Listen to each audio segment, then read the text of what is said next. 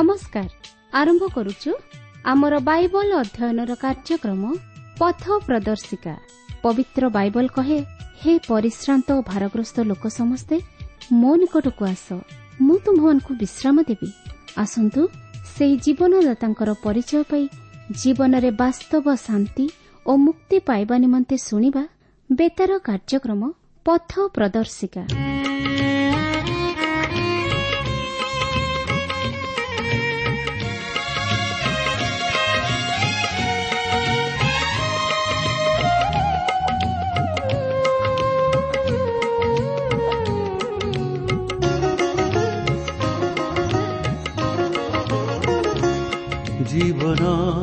ସାଗର ତୀରେ ସନ୍ଧ୍ୟା ଆସଇ নাই যেবে জীবন সাগর তীরে সন্ধ্যা আসই নাই যেবে বিগত দিনর কথা যেতে বসি মনে মনে বিগত দিনৰ কথা যেতে বসি মনে মনে ভাবে। সমর্পি নিজ কুকুম পাদ তলে সমর্পি নিজকু তুম পাদ মহোদধি পারিবে কেবে জীবন ସାଗର ତୀରେ ସଂଘା ଆସଇ ଜୀବନ ସାଗର ତୀରେ ସଂଘା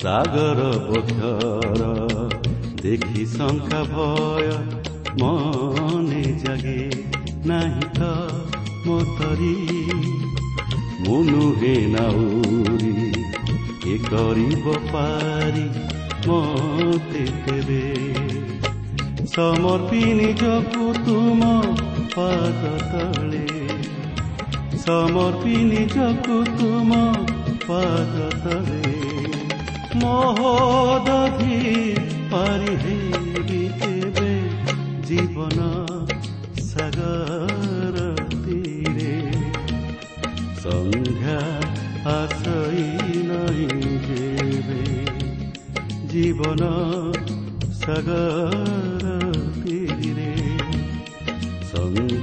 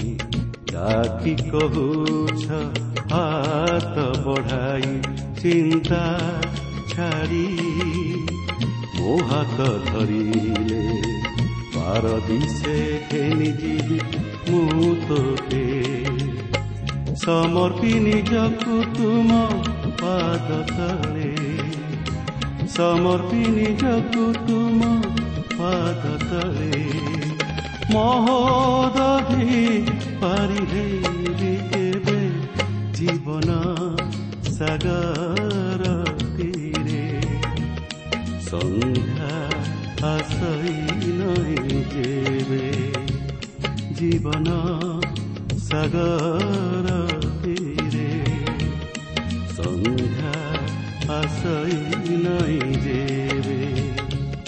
বিগত দিনৰ কথা যেতে বসি মনে মনে ভাবে। বিগত দিনৰ কথা যেতে বসি মনে মনে ভাবে। সমতি নিজকু তোমার ସମର୍ପି ନିଜକୁ ତୁମ ପାଦ ତଳେ ମହୋଦଧି ପାରି ହେବି କେବେ ଜୀବନ ସାଗର ତୀରେ ସନ୍ଧ୍ୟା ଆଶଇ ନାହିଁ ଯେବେ ଜୀବନ ସାଗର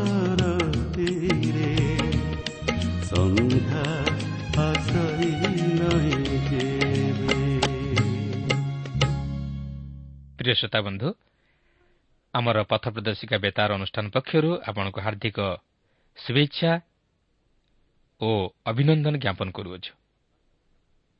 ବାସ୍ତବରେ ପ୍ରଭୁଙ୍କର ଅସୀମ ଅନୁଗ୍ରହରୁ ଆଜି ପୁନର୍ବାର ଆମେ ପ୍ରଭୁଙ୍କର ବାକ୍ୟ ଅଧ୍ୟୟନ ତଥା ଶ୍ରବଣ କରିବା ପାଇଁ ସୁଯୋଗ ପାଇଅଛୁ। ଆଉ ମୋର ବିଶ୍ୱାସ ଆଜି ମଧ୍ୟ ପ୍ରଭୁ ତାଙ୍କର ବାକ୍ୟ ମଧ୍ୟ ଦେଇ ଆମମାନଙ୍କ ସହିତ କଥା କହିବା ପାଇଁ ଯାଉଅଛନ୍ତି। ତେଣୁ ଆସନ୍ତୁ ଆମମାନଙ୍କର ଆତ୍ମିକ କର୍ଣ୍ଣ ଆଉ ଆମମାନଙ୍କର ହୃଦୟକୁ ଖୋଲିଦେବା ଯେପରି ଆମମାନେ ପ୍ରଭୁଙ୍କର ବାକ୍ୟକୁ ଶୁଣିବା ସଙ୍ଗେ ସଙ୍ଗେ ତାହାକୁ ହୃଦୟ ମଧ୍ୟରେ ସ୍ଥାନ ଦେଇ ସେହି ବାକ୍ୟ ଅନୁଯାୟୀ ଯେପରି ତାହାଙ୍କ ପଥରେ ଚାଲିବାକୁ ପାରିବା ସେଥିପାଇଁ ଏକ ଦୃଢ଼ ପଦକ୍ଷେପ ନେବା। ତାହେଲେ ଏହି କାର୍ଯ୍ୟକ୍ରମ ଶୁଣିବା ଆମମାନଙ୍କ ଜୀବନ ପକ୍ଷେ ସାର୍ଥକ ହୋଇପାରିବ ଓ ଆମମାନେ ପ୍ରଭୁଙ୍କଠାରୁ ସେହି ଆଶୀର୍ବାଦ ଅନୁଗ୍ରହର ଅଧିକାରୀ ହୋଇପାରିବା। ଆସନ୍ତୁ ତାହେଲେ ପ୍ରଭୁଙ୍କର ବାକ୍ୟ ମଧ୍ୟକୁ ଯିବା ପୂର୍ବରୁ ସଂକ୍ଷେପରେ ପ୍ରାର୍ଥନା କରିବା। ପବିତ୍ର ପ୍ରଭୁ ତୁମର ପବିତ୍ର ନାମର ଧନ୍ୟବାଦ କରୁଅଛି ସୁନ୍ଦର ସମୟ ପାଇଁ ହଁ ପ୍ରଭୁ ଜଗତର ସମସ୍ତ ବ୍ୟସ୍ତତା ମଧ୍ୟରୁ ତୁମେ ଆମମାନଙ୍କୁ କଢ଼ାଇ ଆଣିଅଛ କିଛି ସମୟ ଧରି ତୁମର ବାକ୍ୟ ଅଧ୍ୟୟନ ଆଉ ଶ୍ରବଣ କରିବା ପାଇଁ ହଁ ପ୍ରଭୁ ତୁମେ ଆମମାନଙ୍କୁ ଏହି ପ୍ରକାର ଏକ କର୍ଣ୍ଣ ଦିଅ ଯେପରି ଆମେ ତୁମର ବାକ୍ୟକୁ ଶୁଣିବା ସଙ୍ଗେ ସଙ୍ଗେ ତାକୁ ହୃଦୟ ମଧ୍ୟରେ ଗ୍ରହଣ କରିପାରିବୁ ଆଉ ତଦନୁଯାୟୀ ଜୀବନଯାପନ କରି ତୁମର ଆଶୀର୍ବାଦ ଅନୁଗ୍ରହର ଅଧିକାରୀ ହୋଇପାରିବ ହଁ ପ୍ରଭୁ ଆମେ ଜାଣୁ ଆମମାନେ ଦୁର୍ବଳ ମନୁଷ୍ୟ। ଆମମାନଙ୍କର କୌଣସି ଧାର୍ମିକତା ନାହିଁ।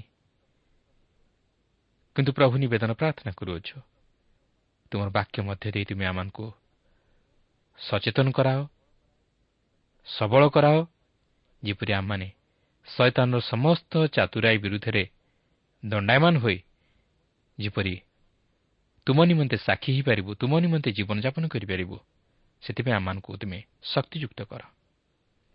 ପ୍ରତ୍ୟେକ ଶ୍ରୋତାବନ୍ଧୁମାନଙ୍କୁ ତୁମେ ଆଶୀର୍ବାଦ କର।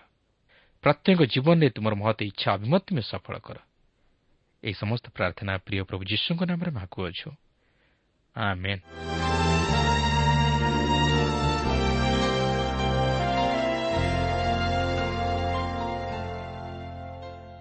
ଆସନ୍ତୁ ବର୍ତ୍ତମାନ ଆମେ ପ୍ରଭୁଙ୍କର ବାକ୍ୟ ମଧ୍ୟକୁ ଯିବା। ଆଜି ଆମେ ପ୍ରେରିତ ଚବିଶ ପର୍ବର ଚବିଶ ପଦରୁ ଆରମ୍ଭ କରି ପଚିଶ ପର୍ବର ବାର ପଦ ପର୍ଯ୍ୟନ୍ତ ଅଧ୍ୟୟନ କରିବା ନିମନ୍ତେ ଯିବା। ମୋର ଅନୁରୋଧ।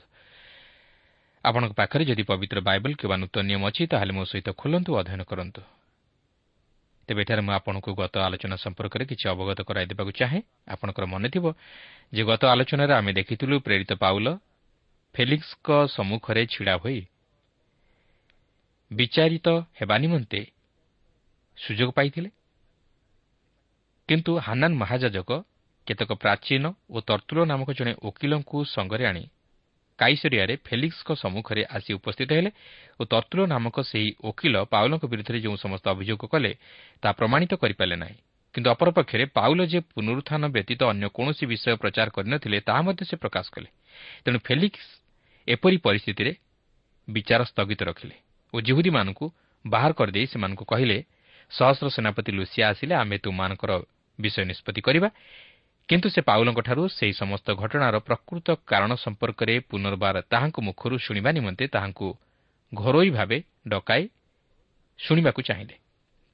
ତେବେ ସେ ପାଉଲଙ୍କୁ କିପରି ଭାବେ ପ୍ରଶ୍ନ କରୁଛନ୍ତି ଓ ପାଉଲ ତାହାଙ୍କୁ କ'ଣ କହୁଅଛନ୍ତି ଆସନ୍ତୁ ବର୍ତ୍ତମାନ ତାହା ଲକ୍ଷ୍ୟ କରିବାକୁ ଯିବା। ଚବିଶ ପର୍ବର ଚବିଶ ଓ ପଚିଶ ପଦରେ ଲେଖା ଅଛି କେତେକ ଦିନ ପରେ ଫେଲିକ୍ସ ଦୃଶିଲା ନାମ୍ନି ଆପଣା ଜିହୁଦିଆ ଭାର୍ଯ୍ୟାଙ୍କ ସହିତ ଆସି ପାଉଲଙ୍କୁ ଡକାଇ ଖ୍ରୀଷ୍ଟ ଯୀଶୁଙ୍କଠାରେ ବିଶ୍ୱାସ ବିଷୟ ତାଙ୍କଠାରୁ ଶୁଣିଲେ। କିନ୍ତୁ ସେ ଧାର୍ମିକତା ଆତ୍ମସଂଯମ ଓ ଆଗାମୀ ବିଚାର ବିଷୟରେ କଥା କହିବା ସମୟରେ ଫେଲିକ୍ସ ଭୀତ ହୋଇ ଉତ୍ତର ଦେଲେ ବର୍ତ୍ତମାନ ତୁମେ ଯାଅ ସୁବିଧା ସମୟ ପାଇଲେ ଆମ୍ଭେ ତୁମକୁ ଡକାଇବା। ଦେଖନ୍ତୁ ଜଣେ ପାପି କେବେ ହେଲେ ନିଜର ସୁବିଧା ଓ ସୁଯୋଗ ଅନୁଯାୟୀ ସୁଷମାଚାର ଶୁଣିପାରିବ ନାହିଁ। କିନ୍ତୁ ଈଶ୍ୱର ତାହାକୁ ସୁଷମାଚାର ଶୁଣିବା ନିମନ୍ତେ ସୁଯୋଗ ଦେଇଥାନ୍ତି। କିନ୍ତୁ ସେ ଯଦି ସେହି ସୁଯୋଗର ସଦ୍ବ୍ୟବହାର ନ କରେ ଓ ସୁଷମାଚାର ଶୁଣି ତହରେ ବିଶ୍ୱାସ ନ କରେ ତାହେଲେ ସେ କେବେ ହେଲେ ଉଦ୍ଧାର ପାଇପାରିବ ନାହିଁ। କି ତାହା ଶୁଣିବା ନିମନ୍ତେ ତାହାର ସୁବିଧା ଅନୁଯାୟୀ ସୁଯୋଗ ମଧ୍ୟ ପାଇପାରିବ ନାହିଁ। ଦେଖନ୍ତୁ ଫେଲିକ୍ସ ସୁଷମାଚାର ବିଷୟ ନେଇ ପୂର୍ବରୁ କିଛି ଜାଣିଥିଲେ। ଅର୍ଥାତ୍ ସେ ସେହି ମାର୍ଗ ବିଷୟ ନେଇ ପୂର୍ବରୁ କିଛି ଜାଣିଥିଲେ ଯେଉଁ ସୁଷମାଚାରକୁ କେନ୍ଦ୍ର କରି ଏହିପରି କଳହର ସୂତ୍ରପାତ ହୋଇଥିଲା। ତେଣୁକରି ଫେଲିକ୍ସ ପୁନର୍ବାର ପାଉଲଙ୍କୁ ଡାକି ଘରୋଇ ଭାବେ ସେହି ସୁଷମାଚାର ସମ୍ପର୍କରେ ଜାଣିବାକୁ ଚାହିଁଥିଲେ। ସେ ପାଉଲଙ୍କୁ ଡକାଇ ନିଜର ସ୍ତ୍ରୀ ଦୃଶିଲା ସହିତ ଖ୍ରୀଷ୍ଟଙ୍କଠାରେ ବିଶ୍ୱାସ କରିବା ବିଷୟ ନେଇ ତାହାଙ୍କଠାରୁ କିଛି ଶୁଣିବା ନିମନ୍ତେ ଚାହିଁଲେ। ତେବେ କେତେକ କହନ୍ତି ଯେ ପାଉଲ ଫିଲିଙ୍ଗସ୍ଙ୍କ ନିକଟରେ ଏହି ଦ୍ୱିତୀୟ ବାର ନିଜର ଆତ୍ମପକ୍ଷ ସମର୍ଥନ କଲେ। କିନ୍ତୁ ପାଉଲ ନିଜର ଆତ୍ମପକ୍ଷ ସମର୍ଥନ କରିନଥିଲେ। ମାତ୍ର ସେ ଖ୍ରୀଷ୍ଟଙ୍କ ନିମନ୍ତେ ଫେଲିକ୍ସଙ୍କୁ ଯେପରି ଲାଭ କରିପାରନ୍ତି ଏଥିନିମନ୍ତେ ତାହାଙ୍କ ନିକଟରେ ଖ୍ରୀଷ୍ଟଙ୍କୁ ପ୍ରଚାର କରିଥିଲେ। ତେବେ ଏହି ଫେଲିକ୍ସଙ୍କ ବିଷୟ ନେଇ ଧର୍ମଶାସ୍ତ୍ରରେ ଯଦିଓ ବିଶେଷ କିଛି ଲେଖାଯାଇ ନାହିଁ ମାତ୍ର ଇତିହାସ ତାହାଙ୍କ ବିଷୟ ନେଇ ଅନେକ କିଛି ତଥ୍ୟ ପ୍ରଦାନ କରେ। ଏହି ଫେଲିକ୍ସ ଜଣେ କ୍ରୁର ଓ କଠୋର ପ୍ରକୃତିର ଲୋକ ଥିଲେ ଯାହାଫଳରେ ସେ ଏହି ଶାସନକର୍ତ୍ତା ପଦରେ ରହି କାର୍ଯ୍ୟ କରୁଥିଲେ। ସେ ଅତି ବିଳାସପ୍ରିୟ ଓ ଦୁଷ୍ଟ ଚରିତ୍ରର ଲୋକ ଥିଲେ। ତାହାଙ୍କ ନାମର ଅର୍ଥ ଥିଲା ବିଳାସପ୍ରିୟ।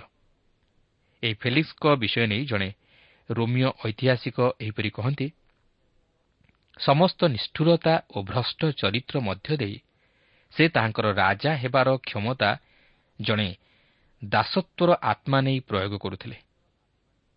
ଏହିପରି ଜଣେ ଲୋକର ହସ୍ତରେ ପ୍ରେରିତ ପାଉଲ ପଡ଼ିଲେ। ତଥାପି ଧର୍ମଶାସ୍ତ୍ର ତାହାଙ୍କୁ ଦୋଷୀ କରେ ନାହିଁ।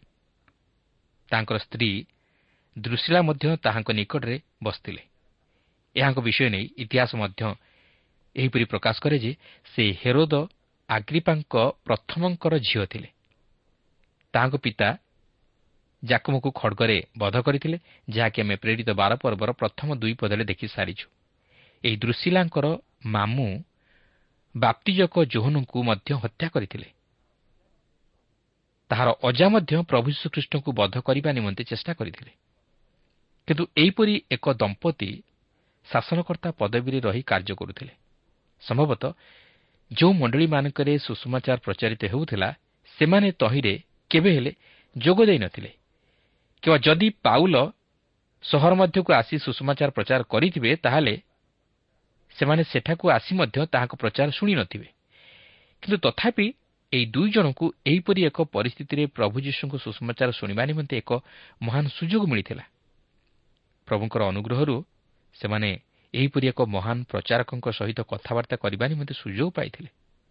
ଈଶ୍ୱର ସେମାନଙ୍କୁ ତାହାଙ୍କର ବାକ୍ୟ ଶୁଣିବା ନିମନ୍ତେ ସୁଯୋଗ ଦେଇଥିଲେ।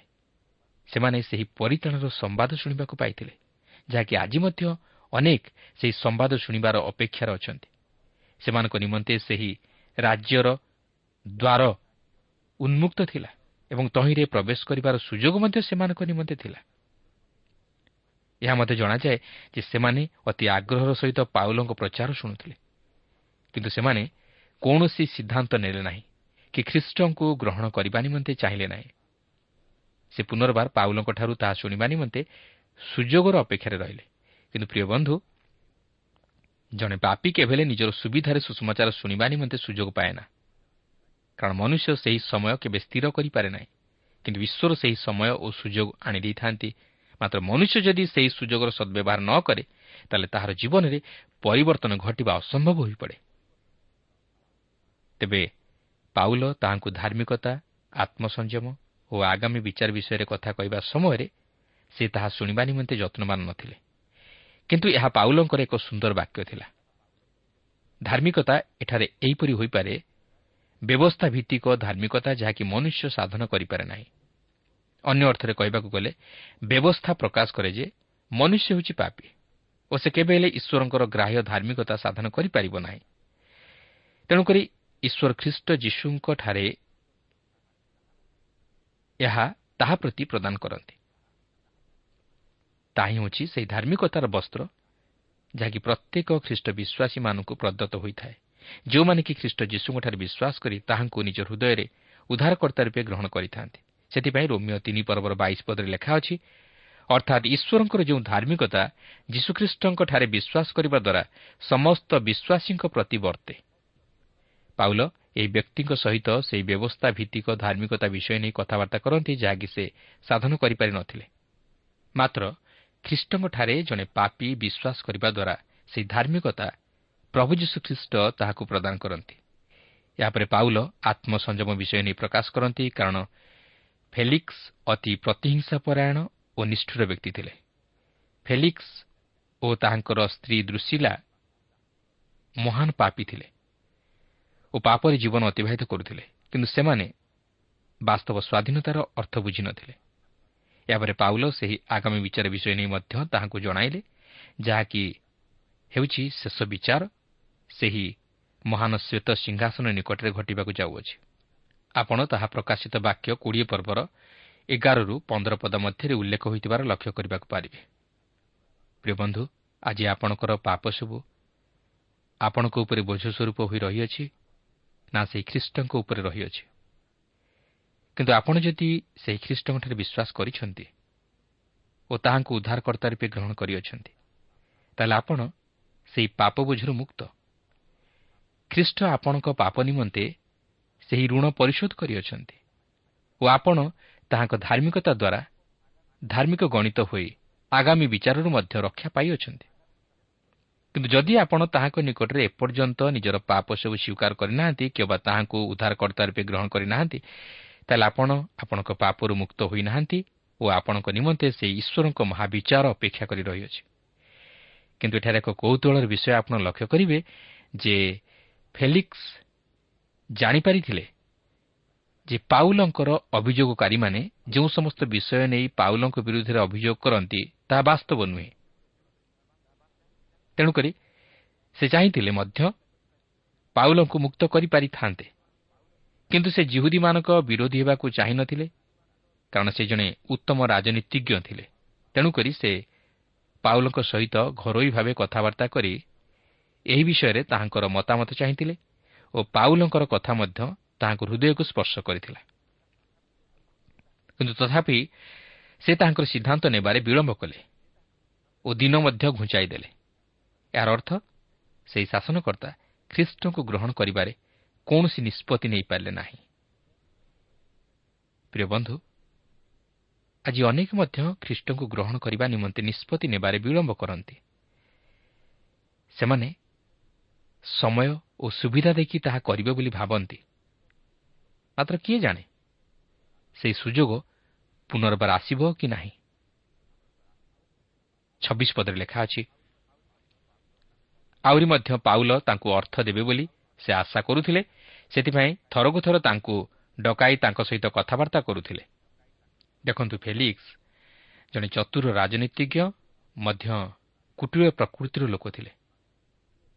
ସେ ପାଉଲଙ୍କଠାରୁ କିଛି ଅର୍ଥ ପାଇବା ପାଇଁ ଆଶା କରୁଥିଲେ ଯେପରି ସେ ସେହି ଅର୍ଥ ନେଇ ତାହାଙ୍କୁ ମୁକ୍ତ କରିଦେଇପାରନ୍ତି ସତେଇଶ ପଦରେ ଲେଖା ଅଛି କିନ୍ତୁ ଦୁଇ ବର୍ଷ ପୂର୍ଣ୍ଣ ହେଲା ଉତ୍ତାରେ ପର୍କିଓ ଫେଷ୍ଟ ଫେଲିକ୍ସଙ୍କ ପଦରେ ନିଯୁକ୍ତ ହେଲେ ଆଉ ଫେଲିକ୍ସ ଜିହୁଦୀମାନଙ୍କ ପ୍ରିୟପାତ୍ର ହେବାକୁ ଇଚ୍ଛା କରି ପାଉଲଙ୍କୁ ବନ୍ଦୀ ଅବସ୍ଥାରେ ରଖି ଚାଲିଗଲେ। ଦେଖନ୍ତୁ ଫେଲିକ୍ସ ଶେଷ ପର୍ଯ୍ୟନ୍ତ ରାଜନୀତି ଖେଳିଲେ ସେ ଶେଷରେ ପାଉଲଙ୍କୁ ବନ୍ଦୀ ଅବସ୍ଥାରେ ରଖି ଚାଲିଗଲେ।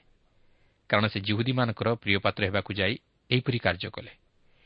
କିନ୍ତୁ ପାଉଲ ଯଦି କୌଣସି ସେହିପରି ଅପରାଧ କରିଥାନ୍ତେ ତାହେଲେ ତାହାଙ୍କୁ ମୃତ୍ୟୁଦଣ୍ଡ ମଧ୍ୟ ଦେଇଥିଲେ ଉଚିତ ହୋଇଥାନ୍ତା। କିନ୍ତୁ ସେ ଯଦି କୌଣସି ଅପରାଧ କରିନାହାନ୍ତି ତାହେଲେ ଫେଲିକ୍ସ ତାହାଙ୍କୁ ମୁକ୍ତ କରିବାର ଉଚିତ ଥିଲା। କିନ୍ତୁ ଏହିପରି ବନ୍ଦୀ ଅବସ୍ଥାରେ ରଖି ଚାଲିଯିବା ତାହାଙ୍କ ପକ୍ଷେ ଉଚିତ ନଥିଲା। ସେ ସେଠାରେ ବିନା କୌଣସି କାରଣରେ ଦୁଇ ବର୍ଷ ପର୍ଯ୍ୟନ୍ତ ବନ୍ଦୀ ହୋଇ ରହିଲେ। ତେବେ ଏହିଠାରେ ଆମେ ପ୍ରେରିତ ଚବିଶ ପର୍ବଟି ଅଧ୍ୟୟନ କରି ସମାପ୍ତ କଲୁ ମାତ୍ର ଏହାପରେ ଆମେ ପଚିଶ ପର୍ବଟି ଅଧ୍ୟୟନ କରିବାକୁ ଯିବା।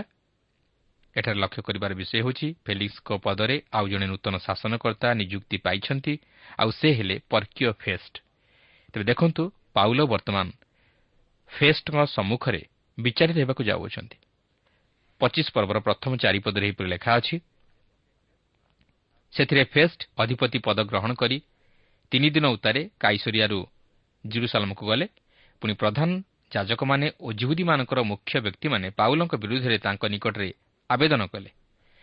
ଆଉ ସେ ଯେପରି ତାଙ୍କୁ ଜିରୁସାଲମକୁ ଡକାଇ ପଠାନ୍ତି ଏଥିନିମନ୍ତେ ବିନତିପୂର୍ବକ ତାଙ୍କ ବିରୁଦ୍ଧରେ ଏହି ଅନୁଗ୍ରହ ପ୍ରାର୍ଥନା କଲେ। ପୁଣି ସେମାନେ ତାଙ୍କୁ ବାଟରେ ବଧ କରିବା ନିମନ୍ତେ ଛକି ବସିଲେ। ସେଥିରେ ଫେଷ୍ଟ ଉତ୍ତର ଦେଲେ ପାଉଲ କାଇସରିଆରେ ବନ୍ଦୀ ହୋଇ ରହିଅଛି ଆଉ ଆମ୍ଭେ ନିଜେ ଶୀଘ୍ର ସେଠାକୁ ଯାଉଅଛୁ ଯାହା ଜଣାଯାଏ ଫେଷ୍ଟ ସେହି ପରିସ୍ଥିତି ବିଷୟ ନେଇ ପୂର୍ବରୁ ଜାଣିଥିଲେ। ସମ୍ଭବତଃ ଫେଲିକ୍ସ ତାହାଙ୍କୁ ପାଉଲଙ୍କ ବିଷୟରେ ଓ ଜିହୁଦୀମାନଙ୍କର ବିଷୟରେ ଜଣାଇ ଦେଇଥିଲେ। ତେଣୁ ଫେଷ୍ଟ ତାହା ଜାଣିପାରି ସେହି ଜିହୁଦୀମାନଙ୍କ ଦାବିକୁ ରକ୍ଷା ନ କରି ସେହି କାଇସରିଆରେ ପାଉଲଙ୍କ ସହିତ ସାକ୍ଷାତ କରିବେ ବୋଲି ସ୍ଥିର କଲେ। ଓ ସେହି ଜିହୁଦୀମାନଙ୍କୁ ମଧ୍ୟ ସେହି କାଇସରିଆକୁ ଆସିବା ନିମନ୍ତେ ଅନୁରୋଧ କଲେ। ଏହାପରେ ପାଞ୍ଚ ପଦରୁ ସାତ ପଦରେ ଲେଖା ଅଛି ଅତଏବ ତୁମମାନଙ୍କ ମଧ୍ୟରେ ଯେଉଁମାନେ କ୍ଷମତାପନ୍ନ ସେମାନେ ଆମ୍ଭ ସାଙ୍ଗରେ ଯାଇ ସେହି ଲୋକର ଯଦି କୌଣସି ଦୋଷ ଥାଏ ତେବେ ତା'ର ବିରୁଦ୍ଧରେ ଅଭିଯୋଗ କରନ୍ତୁ।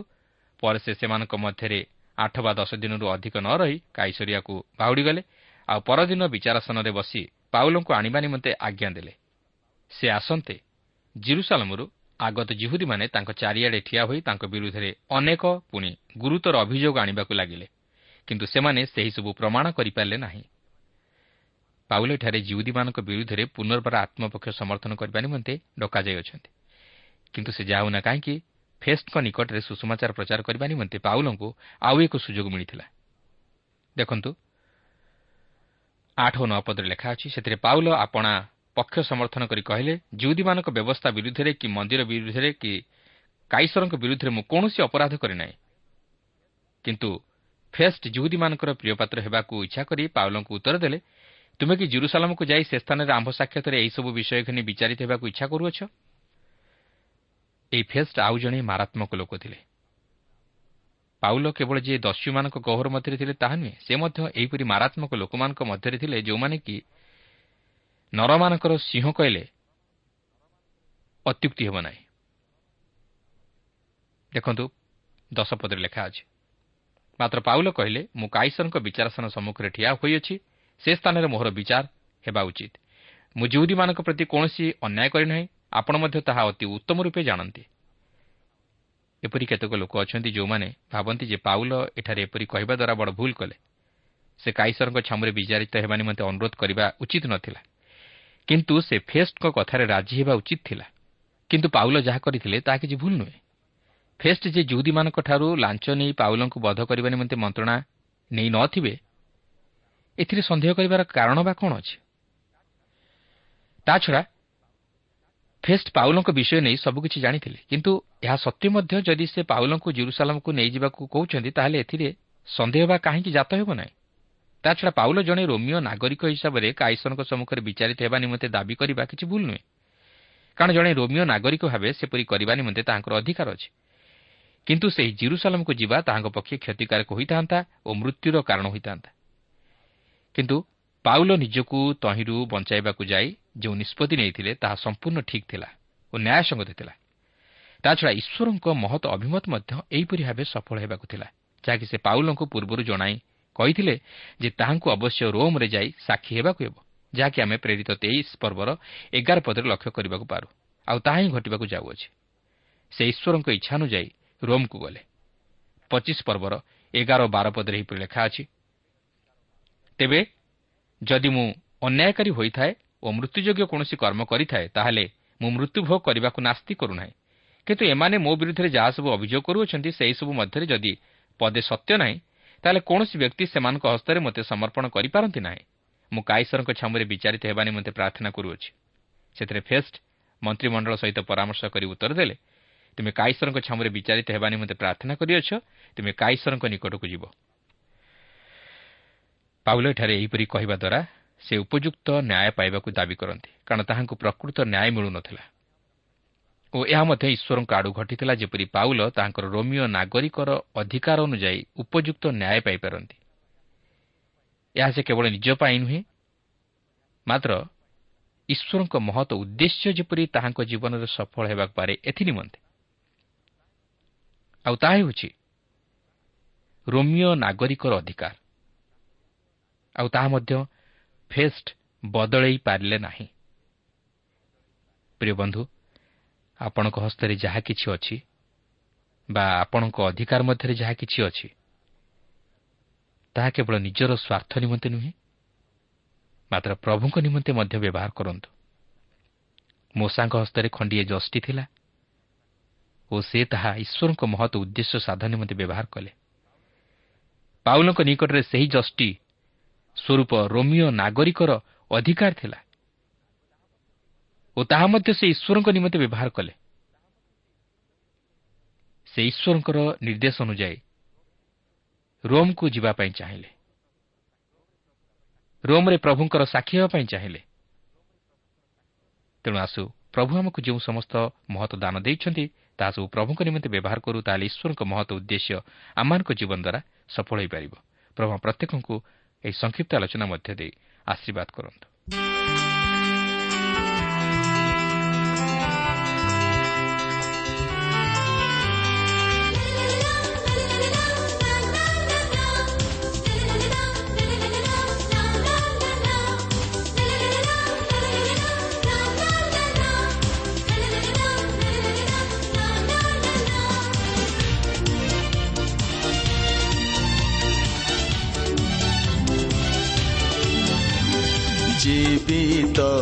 ଯିଶୁ ଜୀବିତ ମୋ ଅନ୍ତରେ ଯିଶୁ ଜୀବିତ ସଙ୍କଟରେ ସଦା ସହାୟ ଯିଶୁ ସଦା ଜୀବିତ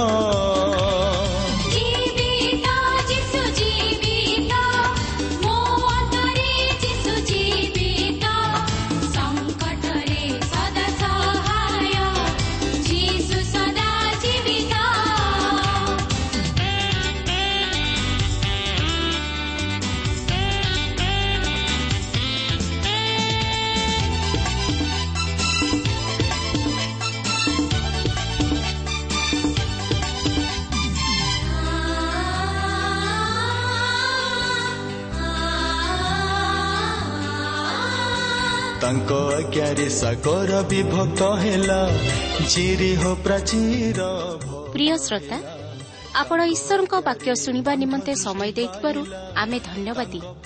ଆପଣ ଯଦି ପ୍ରଭୁ ଯୀଶୁଙ୍କର ବାକ୍ୟ ବିଷୟରେ ଓ ତାହାଙ୍କର ପ୍ରେମ ବିଷୟରେ ଅଧିକ ଜାଣିବାକୁ ଚାହାନ୍ତି ଯାହାକି ଆପଣଙ୍କୁ ପାପରୁ ଉଦ୍ଧାର ପାଇବା ନିମନ୍ତେ ପଥ ଦେଖାଇବ ତାହେଲେ ଆମ ସହିତ ପତ୍ର ମାଧ୍ୟମରେ ଅଥବା ଟେଲିଫୋନ୍ ଯୋଗେ ଯୋଗାଯୋଗ କରନ୍ତୁ। ଆମର ଠିକଣା ପଥ ପ୍ରଦର୍ଶିକା Trans World Radio India post box number ତିନି ତିନ ଭୁବନେଶ୍ୱର ସାତ ପାଞ୍ଚ ଏକ ଶୂନ ଶୂନ ଏକ mobile number nine seven double seven double two one four one five ଠିକଣାଟି ଆଉ ଶୁଣନ୍ତୁ ପଥ ପ୍ରଦର୍ଶିକା Trans Radio India post box number three three Bhubaneswar seven five one zero zero one mobile number nine seven double seven double two one four one five আমার email আড্রেসটি লিখে রাখুন Odia TV at radio eight eight two dot com ତେବେ ଆଜି ପାଇଁ ଏଠାରେ ରଖୁଛୁ ପ୍ରଭୁ ଯୀଶୁ ଆପଣଙ୍କୁ ଆଶୀର୍ବାଦ କରନ୍ତୁ ନମସ୍କାର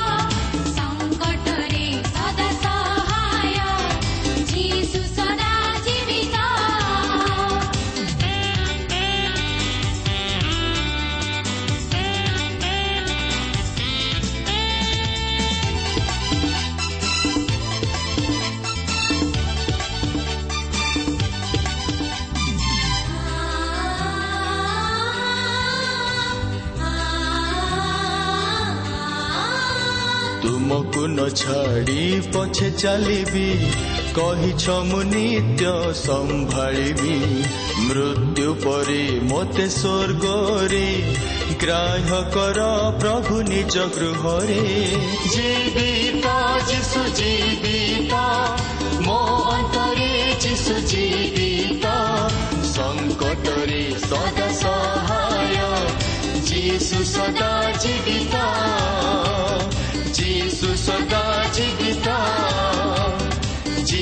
ସଦା